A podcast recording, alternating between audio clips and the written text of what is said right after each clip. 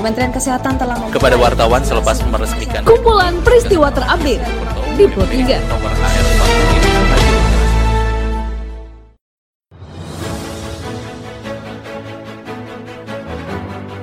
45. Halo pendengar, saat ini Anda sedang mendengarkan kumpulan peristiwa Pro 3.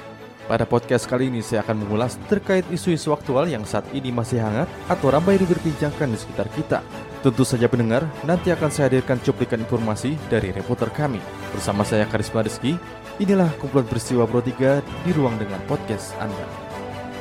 Pendengar, sebelum saya masuk dalam beberapa isu aktual yang akan saya hadirkan sesaat lagi, saya akan mengundang Anda untuk mampir ke laman berita kami di rri.co.id. Anda juga bisa memfollow Instagram, Twitter, dan Facebook kami di @rri_programa3. Baiklah pendengar, inilah kumpulan peristiwa Pro 3. Pendengar pemerintah Indonesia telah menyiapkan skenario kerjasama dengan negara-negara sahabat terkait penanganan lonjakan kasus COVID-19 yang masih terjadi.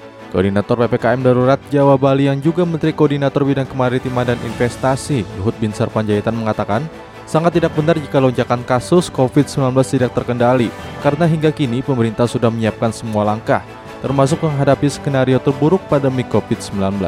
Dilaporkan Perdita Hadi, berikut pernyataan Luhut. Uh, kalau ada yang bilang tadi perlu bantuan dari luar, kita juga sudah komunikasi dengan Singapura, kita komunikasi juga dengan Tiongkok, dan komunikasi juga dengan sumber-sumber lain. Jadi sebenarnya semua secara komprehensif sudah kita lakukan. Menteri Perindustrian Agus Gumiwang Kartasasmita meminta pengertian kalangan industri karena kebutuhan oksigen lebih diprioritaskan untuk penanganan pasien COVID-19. Saat membuka webinar implementasi PPKM darurat di industri pada kemarin, PNPRN menyatakan sudah menerbitkan instruksi Menteri Perindustrian nomor 1 tahun 2021 tentang produk oksigen sebagai komoditas strategis industri dalam masa COVID-19. Melalui instruksi tersebut, kebutuhan masyarakat terutama oksigen dapat dipenuhi oleh industri dalam negeri.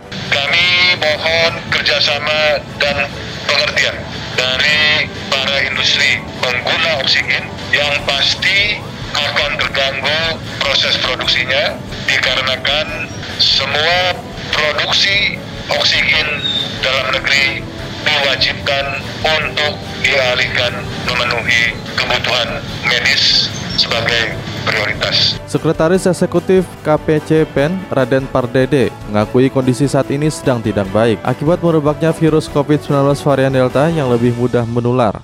Menurut Raden Pardede, PPKM darurat dan percepatan vaksinasi adalah strategi yang harus dilakukan untuk menekan laju pandemi COVID-19 varian Delta ini dan upaya ini diperkirakan akan memakan waktu yang lebih lama dibandingkan pembatasan sosial di awal pandemi COVID-19. Raden Pardede juga mengatakan, pemerintah berharap paling lama dalam waktu sebulan ini PPKM darurat sudah dapat menekan laju kasus positif COVID dan sudah terjadi pemulihan kembali di bulan September 2021.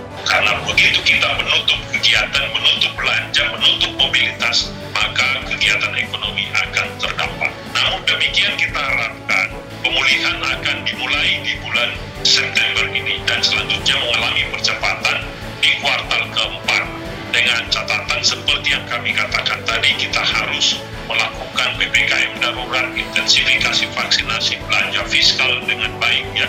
Dan pada saat yang sama kita juga bisa menarik investor kembali dengan mengimplementasikan Undang-Undang Cipta Kerja. Bila pendengar, informasi tadi sekaligus mengakhiri perjumpaan kita pada podcast edisi hari ini. Anda juga bisa mendengarkan podcast edisi hari ini di Spotify dengan hanya mengetik Pro 3 RRI di kolom pencarian Anda. Dan pendengar tetaplah menjaga jarak dan ikuti selalu protokol kesehatan. Saya Karisma Rizky, sampai jumpa. Kementerian Kesehatan telah membuka kepada wartawan selepas meresmikan kumpulan peristiwa terupdate di Pro 3. nomor